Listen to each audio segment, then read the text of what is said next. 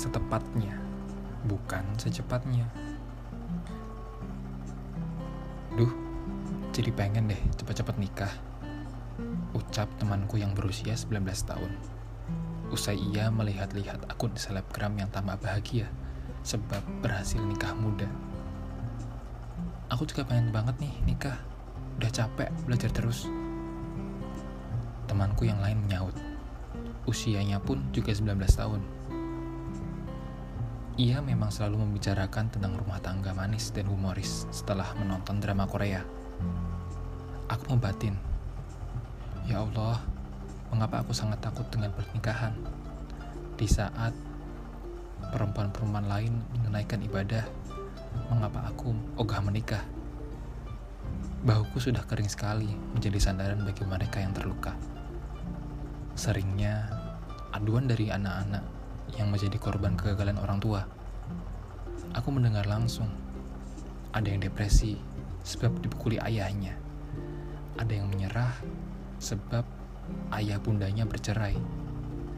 Ada yang tak diperhatikan, ditelantarkan. Ada pula yang terlalu dikekang, dikurung, dan tak boleh berekspresi. Pernah aku dengar curahan hati seseorang mama muda. Ia terisak, merasa bersalah karena rahimnya sulit dikaruniai kandungan. Pernah aku dengar upatan seorang suami.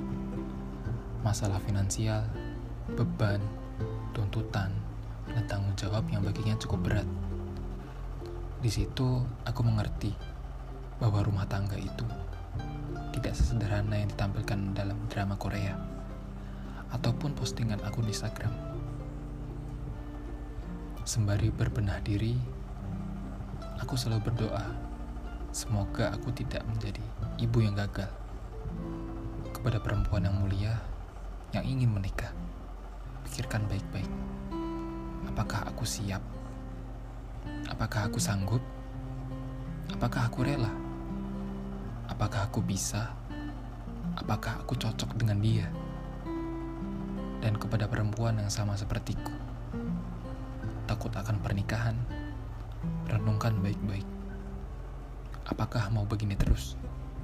Segitu egoisnya agakku. Sampai tidak mau menunaikan ibadah.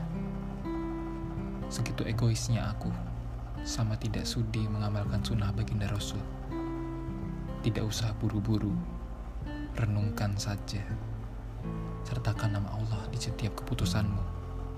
Jangan pernah lupa bahwa Allah Maha Baik. Allah tahu yang terbaik bagi hambanya.